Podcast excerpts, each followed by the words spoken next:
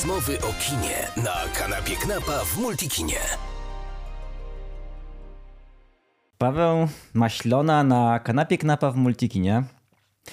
Paweł Maślona, który wyreżyserował film KOS, który wchodzi do kin 26 stycznia. I Paweł Maślona, który wczoraj, tak się składa, y, otrzymał paszport polityki. Bardzo ci gratuluję. Dziękuję, dzięki bardzo. Może zacznijmy w ogóle od genezy Kosa. Tadeusz Kościuszko mi się kojarzy po pierwsze z ulicą, na której mieszkałem przez, przez, przez bardzo długi czas. I czytałem już wcześniej o Tadeuszu Kościuszce i się zastanawiałem, dlaczego nikt nie zrobił filmu o Tadeuszu Kościuszce. W każdym razie dobrego filmu. Były tam jakieś takie niezbyt ciekawe, wiem, propozycje. No to lat temu chyba, nie? Tak, tak. Natomiast jest to fascynująca postać. Ja się w sumie zastanawiam, dlaczego dopiero teraz. Bo to rzeczywiście jest wyjątkowy, wyjątkowy bohater. No, dla mnie to też było zdumiewające, jak zacząłem czytać, bo wcześniej to miałem jakąś taką, wiesz, no taką, taką bardzo jakąś powierzchowną wiedzę wyniesioną ze szkoły, gdzieś tam tak naprawdę poza paroma hasłami, to, to, to niewiele mogłem z tego w ogóle złożyć. Na, na pewno nie żaden obraz yy, człowieka. Przy czym powiedzmy, że to też nie jest film do końca o Tadeuszu Kościuszce, w sensie to jest nie wiem jakby powiedzieć, kim, kim, ten Kościuszko w ramach jakby tej, y, tej opowieści tak naprawdę jest, bo myślę, że tutaj jest kilka kluczowych postaci. To jest w sumie dosyć taki polifoniczny y, film. Nie, my tak rozmawialiśmy o tym z Michałem Zielińskim, że, y, że tak naprawdę najlepsze, co możemy też zrobić samemu Kościuszce, powiedzmy, to jest, to jest stworzyć film, który przede wszystkim no, odda ducha tego, tego też wiesz, zrywu, o którym, e, o którym on myślał i który w centralnym punkcie tej opowieści właśnie ustawi, ustawi chłopak, znaczy upodmiotowi właśnie tych, którzy, którzy byli pozbawieni głosu wtedy. Nie? I że nie chodzi nam o to, żeby tam opowiedzieć, kim był Kościuszko, tylko stworzyć pewną fantazję na temat, ale przede wszystkim jakiejś takiej idei też, która, która stała za tym i stała za, za, za, za tym, co on robi, nie? I to mi się wydaje jakoś dużo, dużo ciekawsze i bardziej e, inspirujące i zapładniające, nie? Że, że możemy się przecież tym bawić. Nie? nie musimy opowiadać, jak było, bo, bo to nie jest nieistotne w ogóle. Bo znowu ten, ten kościuszko i, to, i ta historia, ta insurekcja ona jest dla nas, a nie my dla niej. Nie? Znaczy my używamy tego po to, żeby opowiedzieć coś, co, co czujemy, że jest, że jest ważne dla nas i czym chcemy się podzielić, nie? A, a nie po to, żeby, żeby opowiedzieć jakąś właśnie kartkę z podręcznika historii, żeby, żeby ludzie dokładnie wiedzieli, jak to się wydarzyło, nie? Bo to moim zdaniem to nie jest zadanie dla, dla kina, nie? Przy czym, nie wiem, to moje takie, wiesz, wrażenie, że od strony, nie wiem, konstrukcji scenografii czy kostiumu. No sumie nie, nie, nie będę się mądrzyć, bo właściwie nie, nie, jestem w stanie tego ocenić, na ile, na ile i ta scenografia i kostiumy były zgodne z duchem epoki. Ale może ty mi to powiesz. Czy, czy dla ciebie ważna była ta yy, wiarygodność, żeby to się zgadzało jakby z tym? Nie. Okej. Okay. nie, okay. nie, my, my, e, znaczy to było tak. My ustaliliśmy i z Anią Anosowicz, która odpowiadała za scenografię, z Dorotą Rockplo, która odpowiada za kostiumy, z Annetą Brzozowską, która odpowiada za charakteryzację, że my oczywiście e, wychodzimy od tego, jak było, e, czyli musimy wiedzieć, jak to wyglądało, po to, żebyśmy mogli stworzyć coś innego, trochę na bazie tej, tej, tej, tej, tej rzeczywistości, którą znamy. Nie? I to było najbardziej podniecające. Mhm. No ale dlatego też na przykład y, mundury rosyjskich żołnierzy z tymi takimi wielkimi dwugłowymi orłami na plecach, no jakby nie, nie miały racji bytu wtedy. Nie było takich mhm. mundurów, nie ma, nie ma mowy w ogóle o tym, ale co z tego? No tak. W sensie, kogo to obchodzi i znaczy to rzeczywiście obchodzi historyków, którzy podchodzą jakby do tego, do, do tego filmu jak do jakiegoś dokumentu historycznego, ale wydaje mi się, że, że my już na samym początku tego filmu yy, dajemy tak duży cudzysłów i jakby w pewnym sensie yy, zawiązujemy pewną umowę z widzem, e, jak ten film należy oglądać, znaczy jak należy go traktować, nie jako dokument. Myślę, że pierwsza scena już wystarczająco też to na, na, nas ten, ten świat wprowadza nie? I, i, i pokazuje, że słuchajcie, to nie jest film historyczny, to jest jakby to jest fantazja, nie? I jakby pokochajcie te, te fantazje, spróbujcie jakby przyjąć to, że, że, że, że my się bawimy, że robimy coś, e, co, co, co nie ma być właśnie jakim, jakimś dokumentem historycznym, nie? Y, jednocześnie y, osoby, które będą oglądać ten film i pomyślą, że na przykład ten e, czarny asystent Kościuszki to jest też ta fantazja, to akurat to jest prawda, bo Kościuszko miał takiego, takiego tak, adiutanta. No. Adiutanta, tak. Tak, i ten, ten e, Jean Lapierre, e, który, e, którego widzimy w filmie, który nosił pseudonim Domingo, on rzeczywiście on przyjechał z Kościuszką do Polski, brał z nim udział razem w insurekcji, trafił razem z nim do niewoli w Sankt Petersburgu. I potem po, po uwolnieniu ich e, już oni razem e, wyruszyli do Szwecji i chyba w Szwecji ich drogi się rozeszły. I teraz e, ta postać jest oczywiście prawdziwa i on rzeczywiście tutaj był, natomiast my też fantazujemy sobie na ten temat. To znaczy, my nie wiemy, jak wyglądały naprawdę ich relacje, nie? Czy, czy oni rzeczywiście się przyjaźnili, czy on był takim bardziej jego właśnie adiutantem, czy, czy, czy jaką dokładnie on funkcję pełnił. Nie ma zbyt wielu danych na ten temat, chociaż pewnie można by się dogrzebać i, i dowiedzieć się jeszcze czegoś więcej.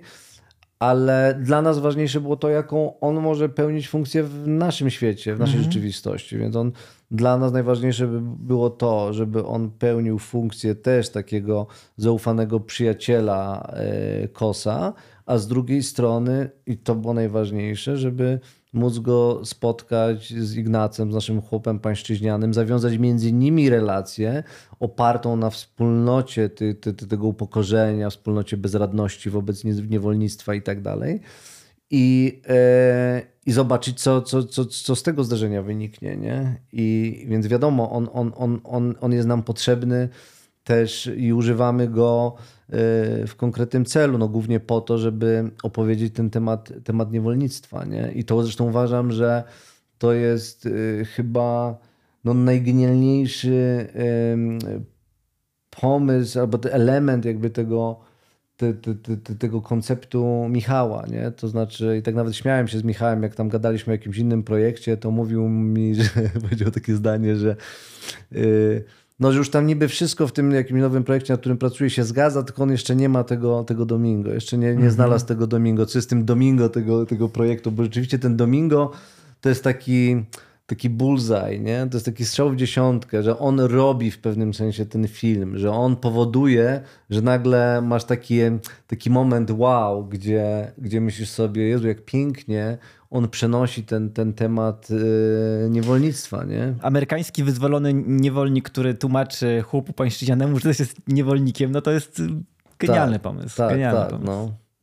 I to, jak oni porównują swoje blizny, no tak, no, no bo to wiesz, to, to mówi więcej niż, niż tysiąc słów, tak. nie? I oczywiście ta scena jest taka dość, powiedziałbym, e, dosłowna, jeśli chodzi o, o przeniesienie tego, tego tematu, a jednocześnie mam wrażenie taka potrzebna i, i konieczna, nie? że co lepiej e, pokaże e, wspólnotę tych doświadczeń niż, niż porównanie pleców obydwu. Nie?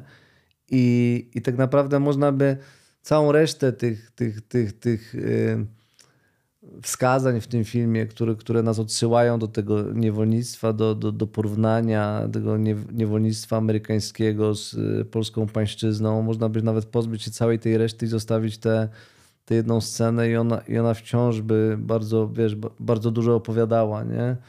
Y, I, i co ciekawe, to y, właśnie nie trzeba tego eksplikować i trochę nie, nie można też zarzucić nam w żadnym stopniu jakiejś nie, nieprawdy, nie? Bo, no bo można by porównać te plecy. No jakby zobaczmy, co, co wynika z tego, że mhm. jednak jeden i drugi był, był bity, był torturowany, nie? No i teraz, czy to samo w sobie nie jest najważniejsze, nie? W kontekście wszystkich różnic, które jakby dzielą pewnie jeden system od drugiego i tak dalej, nie? Wielu historyków wskazuje na te różnice, pokazując, że to nie do końca było tak, że, że chłop pańszczyźniany nie był w takim stopniu e, niewolnikiem, nie był w takim stopniu ubezwłasnowolniony e, jak, jak niewolnik amerykański, ale bardzo często okazuje się, mam wrażenie, przynajmniej sądząc po, po tych lekturach, które, z którymi się zapoznałem, przygotowując się do tego filmu, że, że te różnice w największej mierze były jednak no, dosyć kosmetyczne wobec podstawowego faktu, to znaczy, co to, co to znaczyło, nie? Co to tak naprawdę, jakie miałeś prawa i, i jakie obowiązki, co cię mogło spotkać, nie? I mam wrażenie, że, że, że te plecy najlepiej odpowiadają na to pytanie, nie? Bo skoro ktoś cię może bezkarnie okładać przez pół dnia i zostawić na twoim ciele, wiesz, yy, pręgi na, na całe życie, no to, to to chyba mówi najwięcej, nie? Kluczową postacią jest e, bohater grany przez Bartosza Bielenie. W ogóle fenomenalna e, rola. Tak, bardzo trudna też myślę. E, ja rozmawiałem o tym z Bartkiem, który tak pewnego razu tak, te, te, powiedział mi coś takiego, że, że tak widzi po prostu, że ci różni aktorzy mają te, te, te, te dużo takich wiesz, fajerwerków do grania. Mm -hmm. Tak na przykład Piotrek Pacek, który ma fantastyczną zresztą gra, gra czarny charakter, ale który tam ma, tam jest dużo takich fajerwerków, dużo takich, tak. wiesz, takiego...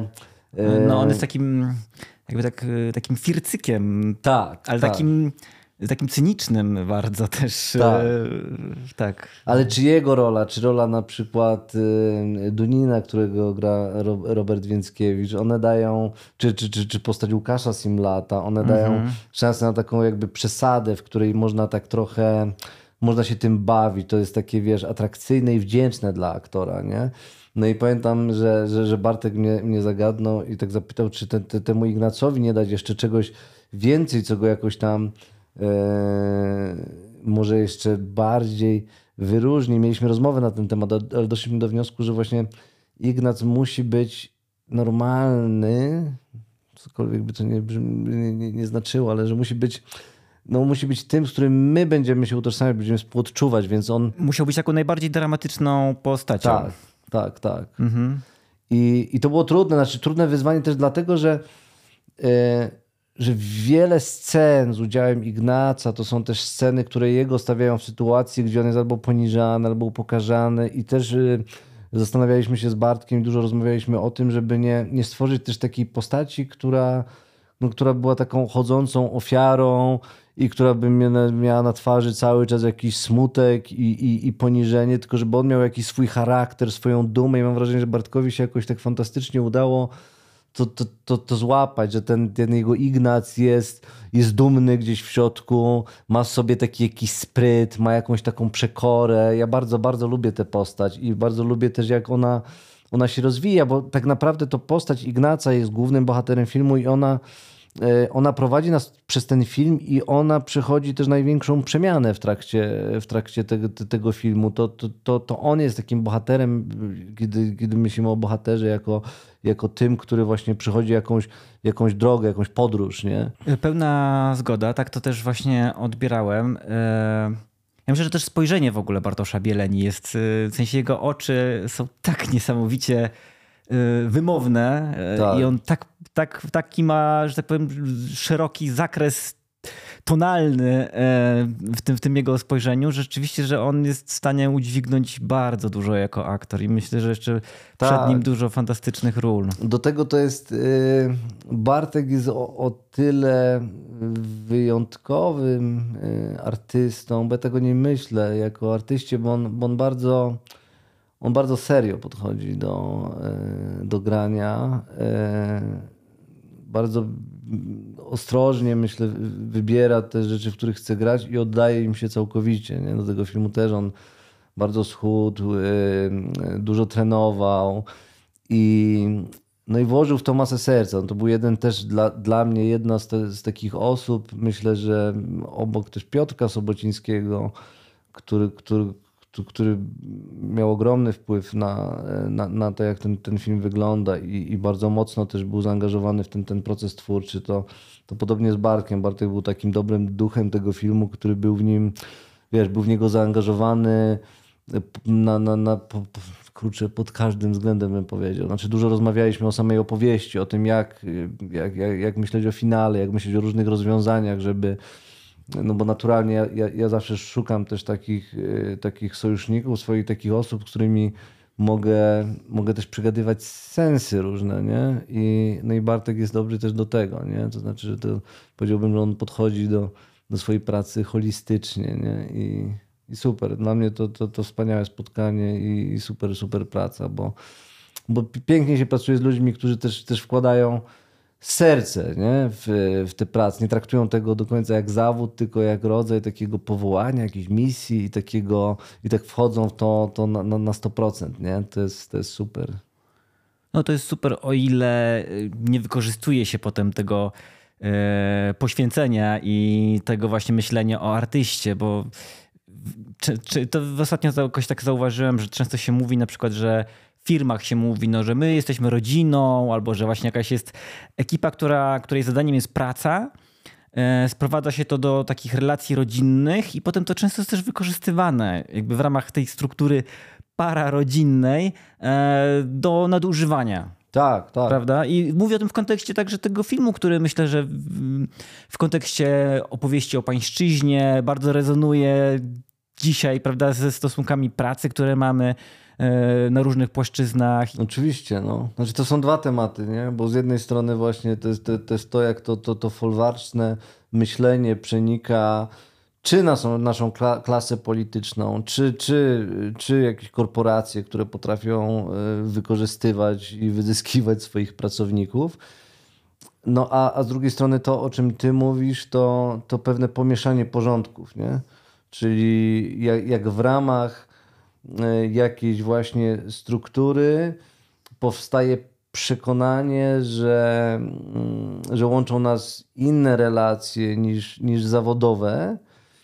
I, I w przypadku twórczości myślę, że trochę tak jest. To znaczy, ta granica nie jest, wiesz, wyraźna. Nie? To znaczy, że to są oczywiście relacje zawodowe, ale one przekraczają też to, co my rozumiemy przez relacje zawodowe, głównie dlatego, że dużo rozmawiamy też o emocjach, o uczuciach, o tym po prostu i naturalnie na, na, nawiązujemy relacje z ludźmi, z którymi pracujemy. No i, no i problem się zaczyna wtedy, kiedy dochodzi do zupełnego pomieszania i, i zaczyna się po prostu nadużywać też często władzy, jaką, jaką daje te, też hierarchia, która, która naturalnie w filmie e, występuje, tak jak, tak jak pewnie w każdym innym porządku, tak jak w teatrze, czy, czy, czy wszędzie, gdzie jest po prostu jakaś grupa ludzi, która coś próbuje razem zrobić. No. Są na pewno takie sfery zawodowe, w których y, trudno bardzo te rzeczy oddzielać, a jednocześnie, no nie wiem, no mam wrażenie, że cały czas się toczy taka, taka dyskusja, gdzie są te granice, nie? I... Natomiast nie chciałbym też, bo z kolei jest z drugiej strony jakaś taka tendencja też w sztuce, w filmie na pewno trochę takiego. E, ona jest związana może, nie wiem, czy co można powiedzieć, z profesjonalizacją, ale też, też mam wrażenie, że, że, że, że coraz częściej spotyka się z drugiej strony takie trochę myślenie korporacyjne o, y, o filmie, o twórczości, o tym, jak, jak powinno się robić filmy. Będę mówił może o filmie, bo, mm -hmm. bo nie mhm. chcę się wypowiadać na temat innych dziedzin sztuki, bo się na tym nie znam, ale sądząc po tym, jak, jak, jak zmienia się też, też produkcja filmowa, jak, y, jak wchodzą jakieś takie, nie wiem, kolejne regulacje, polityki dotyczące tego, jak, jak, jak powinno się robić filmy, mam wrażenie, że że, że w tym też jest pewne zagrożenie, które może nie być yy, widoczne na pierwszy rzut oka, ale związane z tym, żeby, yy, żeby możliwie jak najbardziej stworzyć jakby wa wa warunki yy, do pracy, które będą właśnie możliwie jak najbardziej przypominały takie, takie, takie zasady y, korpo, gdzie, gdzie wszystko jest bardzo wyraźnie ustalone, gdzie są zawsze jakieś takie instancje, do których się można y, odwołać, które mają kontrolować ten, ten, ten proces, gdzie, gdzie, albo tak jak na przykład to wygląda też trochę w Stanach, gdzie jak jest na przykład scenariusz i ten scenariusz zostaje skierowany do realizacji, to to potem nic z tym scenariuszem nie można zrobić, nie? I to jest z kolei, kurczę, to jest o tyle złożony temat, bo, bo tam jest kilka rzeczy, nie? Bo tam jest z jednej strony y, potrzeba na przykład y, też samych scenarzystów, którzy walczą o swoją podmiotowość, tak jak zresztą każdy z zawodów filmowych też walczy o swoją podmiotowość w ramach tej, tej struktury, ale mam wrażenie, że w takim y, nadmiarze regulacji i transparentności maksymalnej i takiego myślenia korporacyjnego kryje się zagrożenie takie, które może, może w pewnym sensie też zabijać proces twórczy. To znaczy, że to trzeba być z tym ostrożnym. Nie wiem, jak to teraz, może zaraz do tego dojdziemy, ale... Bo chodzi ci o to, że wtedy myśli się bardziej o filmie w kategorii też produktu. Tak, tak. Znaczy to właśnie do, do, dokładnie o tym mówię. To znaczy, że już teraz coraz, coraz częściej... Yy twórcy dostają te, te, też jakieś takie pole, zalecenia, dyrektywy od, od decydentów w postaci stacji czy platform, na przykład polegające na tym, żeby e, informacja, która, która przenosi się poprzez obraz, którą widzimy, została powtórzona też poprzez dialog, bo jest niebezpieczeństwo, że widz może nie patrzeć na ekran. To znaczy, żeby że zaczyna się myśleć o tym, żeby, żeby uwzględniać też widzów, którzy nie oglądają de facto filmu, ale może go słuchają w tym czasie, więc proponuje się coś, co jest odwrotnością tego, na czym my się wychowaliśmy i czego uczyliśmy się w szkole filmowej, nie? To znaczy, że, że niedopuszczalne jest jakby powtarzanie czegoś w dialogu, co widzimy na ekranie, bo to jest tautologia, to jest jakiś bano. Nie, nie wolno tego robić, nie? Więc teraz mamy do czynienia z odwrotną tendencją. To znaczy, właśnie to robimy dlatego, że musimy uwzględnić widza, który wcale filmu nie ogląda. I to jest problem, nie? To jest problem, bo jak my zaczniemy w ten sposób y, myśleć o, o filmie i o widzu, i o widzu to, no to, to koniec końców dojdziemy do, do pewnego modelu, no, który już y, rozpowszechniły dokudramy. Nie? To znaczy, najpierw mamy jakąś sytuację, w której wszystko zostało powiedziane, zazwyczaj wprost, y, wszystkie intencje bohaterów, którzy powiedzieli, co czują. Potem mamy, mamy setkę bohatera, który opowiadał o tym, co zrobił, i jeszcze mamy y, lektora, który nam przypomniał o tym, co powiedział przed chwilą bohater i co się wydarzyło w scenie, którą widzieliśmy przed chwilą, nie? No i to jest, to jest straszne, nie? Ja mam wrażenie, że to jest, to jest ogromny błąd. To znaczy, że yy, na fali takiej też potrzeby też zrzucania z piedestałów yy, i, i od, odwracania hierarchii yy, jest, jest niebezpieczeństwo takie, które w konsekwencji do, do, doprowadzi do, do tego, że, że filmy będą coraz bardziej bezosobowe, coraz bardziej takie, takie nijakie, takie, mhm. gdzie, gdzie po prostu ostateczny wydźwięk tego utworu jest jakąś wypadkową różnych potrzeb wielu osób i też jakiejś polityki, trendów i tego, co się opłaca, co, co, co, co się sprzedaje i tak dalej, i tak dalej. Mi się wydaje, mhm. że to mhm. jest, to jest duże niebezpieczeństwo i, i mam wrażenie, że, że nie do końca odpowiednio zaadresowane, zauważalne przez wszystkich. A czuję, że, że to jest jedno z największych zagrożeń dla, dla mhm. filmu dzisiaj. Jak sobie wyobrażasz, że powinny wyglądać takie właśnie, wiesz, relacje? Mi się, wiesz, mi, mi się wydaje, że tak naprawdę my nie tyle potrzebujemy, oczywiście ja myślę, że, że te różne polityki, które są wprowadzane, takie uwrażliwiające na, na, na pewne tematy, czy na przykład o bo to jest na przykład zmiana, która uważam, że, że jest bardzo cenna, czyli pojawianie się, pojawienie się za, zawodu konsultantów, koordynatorów scen intymnych. O. To na przykład ja, ja z wielką radością powitałem y, rozpowszechnienie tego, te, tego zawodu i to, że on tak, tak, tak już tak, tak, tak jest mocno obecny gdzieś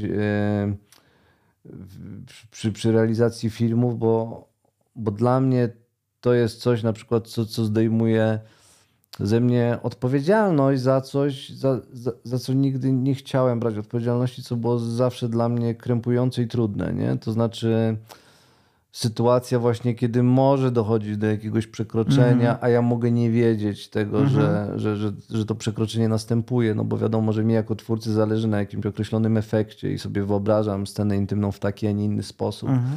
Ale i rozmowa na ten temat, i pilnowanie y, komfortu y, aktorów w tej sytuacji, jakby jest, jest, jest trudne, bo to jest jakiś rodzaj schizofrenii, no bo, bo, bo trud, trudno po prostu jakby dbać -hmm. o jedno y, o jedno i, i, i drugie i można pewnych rzeczy nie, nie dostrzegać. Więc, więc dla mnie sytuacja, gdzie, gdzie jest na przykład koordynatorka scen intymnych, która na siebie bierze odpowiedzialność za, za to, żeby ci aktorzy czuli się komfortowo, żeby tam nie, nie, nie, nie było sytuacji, w których oni mogą czuć się w jakikolwiek sposób czy to upokorzeni, czy jakoś tam uprzedmiotowieni i tak dalej, i tak dalej. No to dla, dla mnie to, to jest fantastyczna rzecz i wydaje mi się, że, że to jest dobre, że to się w tym sensie profesjonalizuje i że, że mamy możliwość po prostu yy, rozwiązywania tego, tego w taki sposób, nie?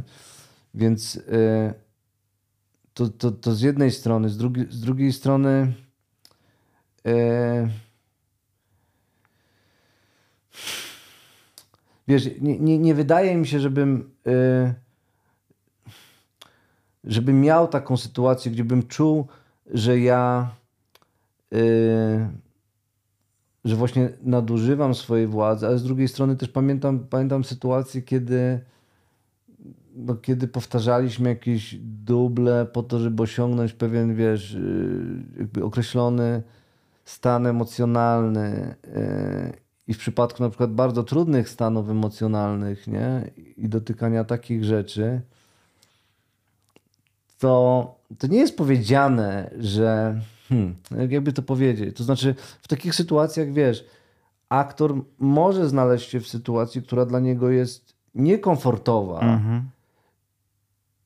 I teraz pytanie, czy za wszelką cenę mamy, mamy troszczyć się o to, żeby każda sytuacja jakby w miarę możliwości była komfortowa, czy, czy jakby dopuszczamy możliwość, że jakby no ten dyskomfort, on służy temu, żeby ten, ten określony stan emocjonalny osiągnąć. I teraz pytanie jest oczywiście, no, no więc gdzie jest ta granica, nie? I wydaje mi się, że ta granica ją wyznaczają po pierwsze jakby motywacja, czyli z jaką intencją coś robisz, y, z drugiej strony no, jakiś podstawowy szacunek do, do drugiego człowieka, i, i wydaje mi się, że jak, jak, jak ma się to, to w głowie, to, to, to, to nie powinno dochodzić do, do, do, do, do żadnych nadużyć, nie? Tak, A miałeś takie trudne sceny w, w kosie, bo ja sobie wyobrażam, że tam, tam, tam jest bardzo dużo emocji. One jakby buzują. Głównym tematem tego filmu jest właśnie to też takie, no nie wiem, takie jakieś pragnienie też zemsty, tak. wynagrodzenia krzywdy.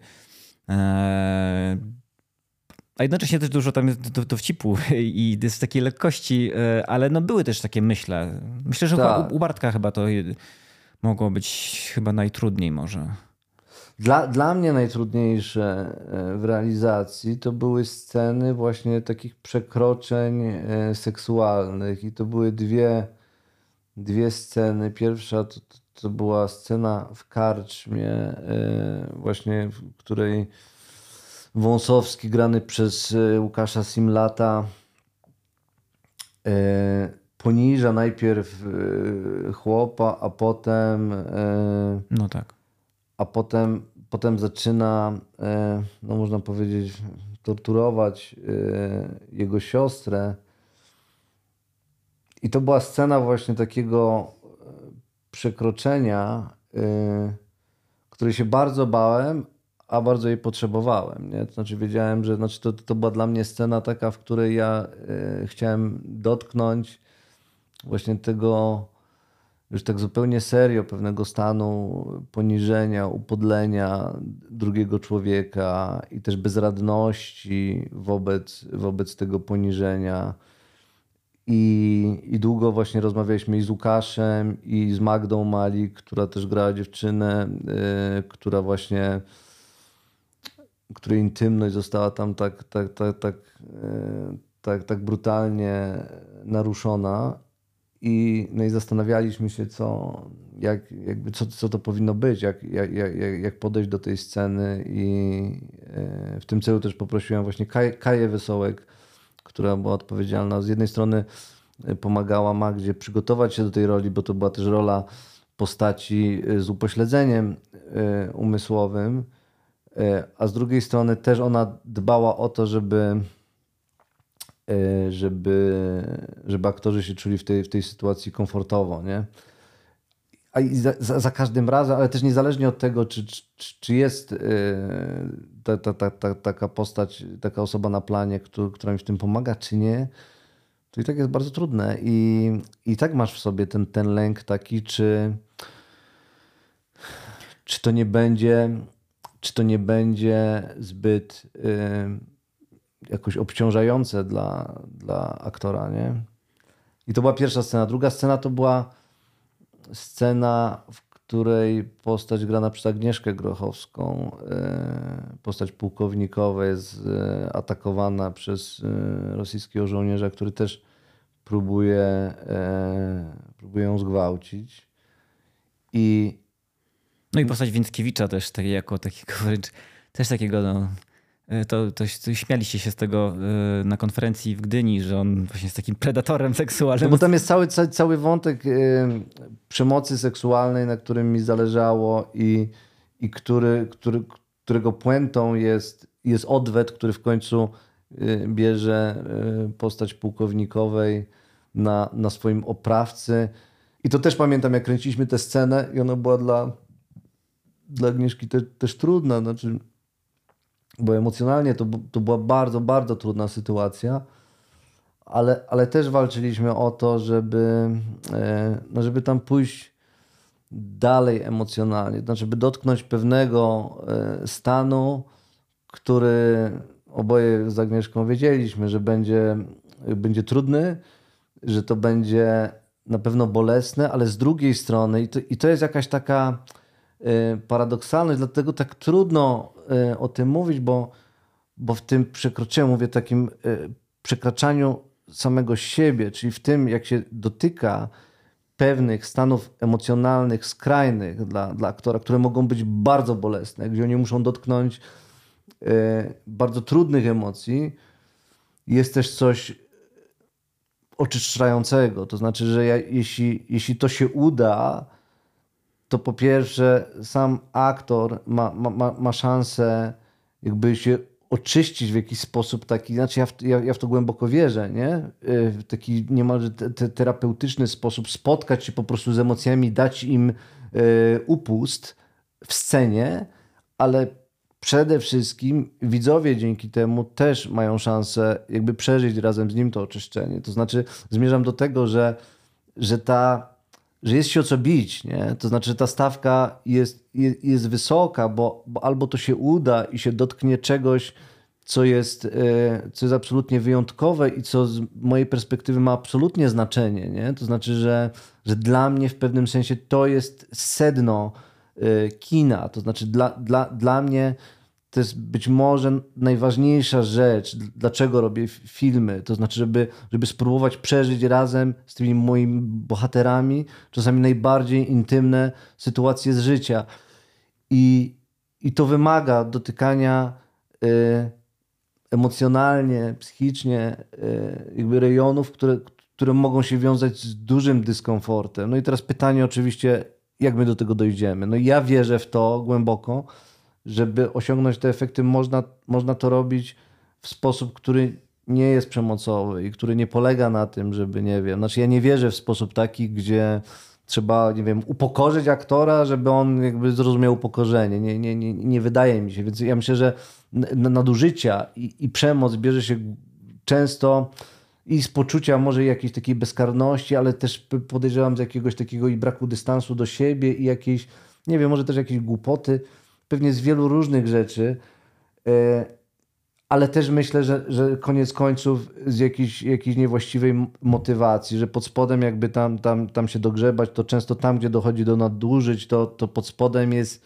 jest jakaś niedobra intencja i jest brak uwzględnienia drugiego człowieka. A wierzę w to, że jeśli, jeśli to się robi w, w atmosferze jakiegoś bezpieczeństwa i uczciwości i szczerości, bo koniec końców to jest zawsze o relacjach i że jeśli ten, ten aktor się czuje bezpiecznie, to ty możesz te, te, te, te, te, te rzeczy osiągnąć y, w sposób, który, y, no, który nie będzie się wiązał z żadną traumą. Ja w to, w to wierzę. No. Przypomniałem na początku twój debiut, Atak Paniki i gdy oglądałem Kosa, wydawałoby się dwa kompletnie różne filmy, to jednak ten Atak Paniki do mnie wracał i mam wrażenie, że zrobiłeś takie dwa pełnometrażowe filmy i, i ja dostrzegam w nich pewnego rodzaju ciągłość. E, I w jednym, i w drugim filmie pojawia się wątek e, chęci zemsty. Pojawia się przemoc. E, pojawia się też rzeczywiście taki rodzaj prowadzenia narracji, w której dochodzi do wrzenia. Mm. I zastanawiam się o motywację mm, twoją, być może tak, także osobistą, w sensie dlaczego cię tak bardzo pociąga wątek, nie wiem, właśnie tej osób, które doświadczają przemocy, które przemoc stosują, które mają ten w sobie taki resentyment silny, który tak się mocno intensyfikuje w trakcie filmu. Ja myślę, że to są, to, to są dwie rzeczy. Myślę, że na pewno jest we mnie yy, ten, ten temat przemocy jest, jest dla mnie ważny i, i myślę, że ja go, go, rozumiem i on gdzieś we mnie siedzi od, od dawna. Podobało mi się kiedyś właśnie Klara Cyko, że w recenzji yy, mojego ataku paniki na, napisała takie zdanie, które, które mi się bardzo spodobało, że, że w tym filmie każdy jest przez coś lub przez kogoś groteskowo zdominowany. I pomyślałem sobie, że rzeczywiście tak jest, że, że rzeczywiście każdy z tych, z tych, każdy, każdy z tych bohaterów yy, ma do czynienia właśnie jakby z taką sytuacją, jakby tego rodzaju opresji. Mhm. W przypadku Kosa, tylko że w, w ataku paniki te, te, te nieszczęścia i te opresje, te przemoc w dużej mierze y, bohaterowie ściągają na siebie sami w pewnym sensie. Znaczy oni ją inicjują, oni ją prowokują w jakiś sposób. Znaczy ich działanie powoduje, że, że, że, że, że, się z tym spotykają. Czasami to jest jaka, jakaś karma, która do nich, mhm. do nich wraca, jakaś kara za, za ich grzechy, nie? E, w przypadku Kosa ta, ta, ta przemoc jest, jest bardziej do, dosłowna i bardziej zewnętrzna jednak. Znaczy ona przychodzi w postaci po prostu opresji, tak. takiej systemowej, e, którą mają też szlachcice na, nad, e, nad chłopami, mężczyźni nad kobietami i, i tak dalej. Ale ona jest już taka jakaś taka bar, bardzo wyraźna, można powiedzieć, że, że, że, że bardzo dosłowna, ale w pewnym sensie to jest ten sam temat, nie? E, I, i z drugiej strony jest coś, co mnie na pewno y, jakoś szalenie interesuje i to zawsze mnie interesowało, czyli rodzaj raz, że zabawy czasem, który też jest gdzieś obecny w, w ataku paniki, nawet bardziej niż Kosi, ale tu i tam. To znaczy, e, to jest coś, co mnie szalenie interesuje w kinie, czyli, czyli, czyli ta, ta zdolność kina do tego, żeby albo poszerzać, albo, albo zawężać po prostu mhm. to, to, jak doświadczamy czasu, nie? że można rozciągać sceny w nieskończoność, tak jak na przykład tę te, te scenę w karczmie, która w zasadzie jest taki, daje nam szansę bycie tak zupełnie tu i teraz przez, przez 15 minut, a z drugiej strony możemy też po prostu roz, rozciągać daną sytuację, tak jak chwilę przed tym przed tym wy, wy, wybuchem fi, finałowej sekwencji, przed tym wybuchem przemocy, kiedy, kiedy, kiedy, kiedy oczekujemy na, na, na ten moment, kiedy opadnie scenografia, kiedy po prostu to napięcie, które, które się kumuluje bardzo długo się uwolni i to też jest dla mnie jakoś fascynujące. I ten rodzaj takiej właśnie kumulacji i, i wybuchu yy, to jest też coś, co mnie jakoś strasznie pociąga i idąc dalej, myślę, że to, co mnie jeszcze bardziej tak, bo, w kolejnych jakichś rzeczach, o których myślę, to też, też widzę, że, że mnie ciągnie naturalnie do, e, do takich sekwencji właśnie montażowych, które mogą też e, przypominać strumień świadomości, w których można w ogóle osiągnąć stan, takie, to, to, to mnie interesuje coraz bardziej, takie stany też trochę psychodeliczne, yy, ale, ale, ale, ale jakby mi Jak w Akademii Pana Kleksa. Słucham? Jak w Akademii Pana Kleksa. tam jest, akurat muszę oddać nowej Akademii Pana Kleksa, że tam jest parę takich scen, e, które w ten, ten psychodeliczny ton uderzają i one są naprawdę okej. Okay. Ja myślę... E... Myślisz o czymś innym. Tak, ja znaczy myślę o czymś innym. Myślę o, e, o tym, jak, jak różne e, czasoprzestrzenie mogą się przenikać. Mm -hmm. nie? Mhm. Czyli w przypadku e, Kosa na przykład to, to jest to jest z jednej strony sytuacja, kiedy my w jednym momencie możemy obserwować kilkoro bohaterów, którzy mają zupełnie jakiś taki inny proces myślowy w danym momencie i mają jakąś swoją sprawę i, i, i napięcie z tym związane, ale na to może się też nakładać przestrzeń na przykład poza tym, e, po, poza, po, poza tym wnętrzem, w którym oni są i na to może by te, też nakładać się przestrzeń retrospekcji i że te wszystkie rzeczy mogą funkcjonować naraz. Mnie to jakoś szalenie podnieca, nie?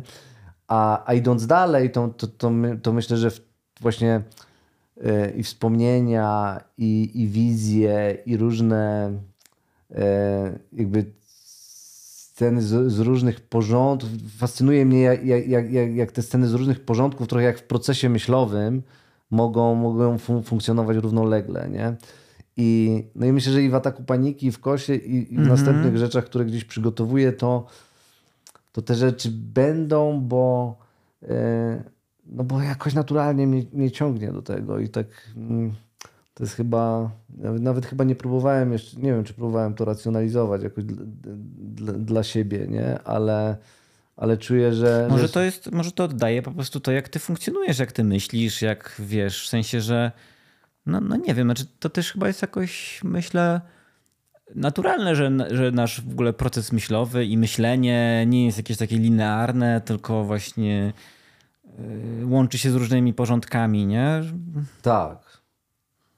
Tak. I kwestia chyba jeszcze jest właśnie jakiegoś takiego wy, wy, wybuchu, jakiej, jak, jakiejś eksplozji. Na przykład w przypadku Kosa to ja myślałem sobie, bo tam są dwa takie momenty, gdzie, y, gdzie napięcie zostaje y, uwolnione i ja sobie to nazywałem zawsze, że ten, ten, ten film ma takie, takie swoje dwa orgazmy. Taki mały orgazm i duży orgazm, nie? I, i, tak, i tak sobie o tym myślałem. I, i chyba, i chyba ta, ta logika, y, nazwijmy to orgazmu, y, jest mi gdzieś bliska, że, że właśnie, że że... Źle to zabrzmiało. Słuchaj, ja to, ja to wrzucam do lidu. Logika, tak. Yy, no, Jezu Boże. Możesz do mikrofonu bardziej? A tak, oczywiście. Yy, A, mm to bardzo Tutaj mamy, to mamy. Tak. Yy, ale wiesz, to troszkę, troszkę uciekło się od, od tego tematu jakby no. przemocy i a myślę, że on jest też kluczowy w kontekście jakby tego tematu filmu i w ogóle twojej filmografii. I, i przepraszam, jeśli to zabrzmi jakby wprost, no. ale czy ty jako człowiek doświadczałeś przemocy? Tak, ale myślę, że też mało kto chyba nie doświadczył przemocy, nie? Y, ale tak, ja, ja myślę, że myślę, że tak. Myślę, że właśnie z wielu, y, z wielu y, powodów to mi jest bliskie, nie? I, i znam, znam to uczucie bycia w jakiś sposób upokorzonym, poniżonym, bycia w, w różnego rodzaju opresji i wszystkiego, co się z tym, z tym wiąże, czyli też często jakiejś takiej bezradności, i strachu, e, i potem potrzeby właśnie jakiegoś odwetu, zadośćuczynienia i tak dalej, nie? Mhm. To tak, myślę, że to myślę, że to, to, to jest jakaś rzecz, yy, którą rozumiem nie, nieprzypadkowo mnie mnie zabierają takie opowieści, takie wiesz, takie procesy, nie? Ja to w pełni jakby rozumiem i tak jak powiedziałeś, że mam wrażenie, że wszyscy jesteśmy ofiarami przemocy. Na pewno wszyscy, którzy doświadczyli, nie wiem, polskiej szkoły w latach 90. czy na początku XXI y, wieku, czy relacji rodzinnych, w których mam wrażenie, no tak. no też ryby, dzieci głosu nie mają. To też bardzo taki, myślę, jest dojmujące i yy, określenie, które dobrze oddaje właśnie te, te relacje rodzinne. Nie? Myślę, że to się wszystko zmienia teraz. Ale ja y, też mogę powiedzieć, tak, jestem też, y, byłem ofiarą przemocy, nie? Na, na, na wielu różnych poziomach i dlatego też, gdy oglądam Kosa, to on też ze mną dobrze rezonuje, bo ja też znam te uczucia, nie? Tak, ja, ja, ja wiesz, ja, ja, ja zawsze yy, uwielbiałem kino zemsty, nie? Yy, bardzo, bardzo lubiłem. W zasadzie yy, no, sporo, sporo tego obejrzałem i, i, i kiedyś też się nie zastanawiałem nad tym, dlaczego. Dopiero niedawno w gruncie rzeczy, jak sam przygotowywałem kosa, to ja zrozumiałem, e, dlaczego to mi jest tak bliskie i, i, i że jest głęboki sens e, kina zemsty, nie? Taki terapeutyczny sens, że właśnie kino zemsty jest po to, żebyśmy się mogli oczyścić jakby z tego, z tego wszystkiego, co w nas siedzi, z tej, z tej krzywdy, której doświadczyliśmy, z tego poniżenia, którego doświadczyliśmy, że to nam daje szansę na to, kiedy my widzimy naszych bohaterów, którzy biorą odwet na, na, na swoich oprawcach, to odczuwamy satysfakcję, nie? I, I nie ma w tym nic złego, bo kiedyś też się zastanawiałem nad tym, a czy to jest mhm. źle, czy powinniśmy w jakiś sposób y, krzewić ten, ten, ten rodzaj y, y, właśnie z, z, z, satysfakcji,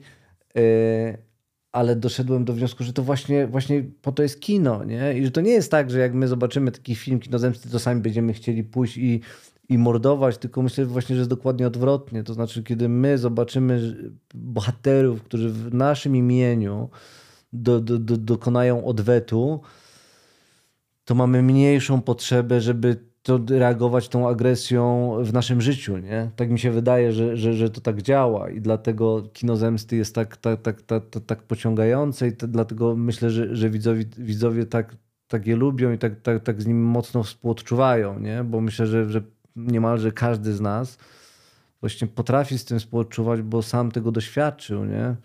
I, I, myślę, że to jest piękne, że możemy właśnie mordować na ekranie po to, żeby nie, nie mordować y, w normalnym życiu. Zgadzam się, a wydaje mi się, że wiesz, odnośnie tej uniwersalności tego doświadczenia jakiejś przemocy, no to kurczę, no wiesz, ja, ja teraz mam trzymiesięczne dziecko, wychowuję i wiem, że wiesz, w pewnym sensie w domu stworzę mu taką bańkę, nie? W sensie, że on będzie się czuł bezpiecznie, mam nadzieję, wiesz, ze mną i, i, i w domu. Natomiast, wiesz, no, przyjdzie moment, że pójdzie kiedyś, nie wiem, do szkoły, pójdzie, wiesz, y, doświadczy tego życia naokoło, gdzie, gdzie ta sytuacja będzie inna, nie? I jakby już nawet nie mówię o jakichś nawet takich dramatycznych sytuacjach, że nie wiem, że ktoś go pobije, albo że on kogoś pobije, albo że doświadczy, no nie wiem, złego, nie wiem, wychowania, czy jakiś nauczyciel, czy nauczycielka, czy cokolwiek, nie?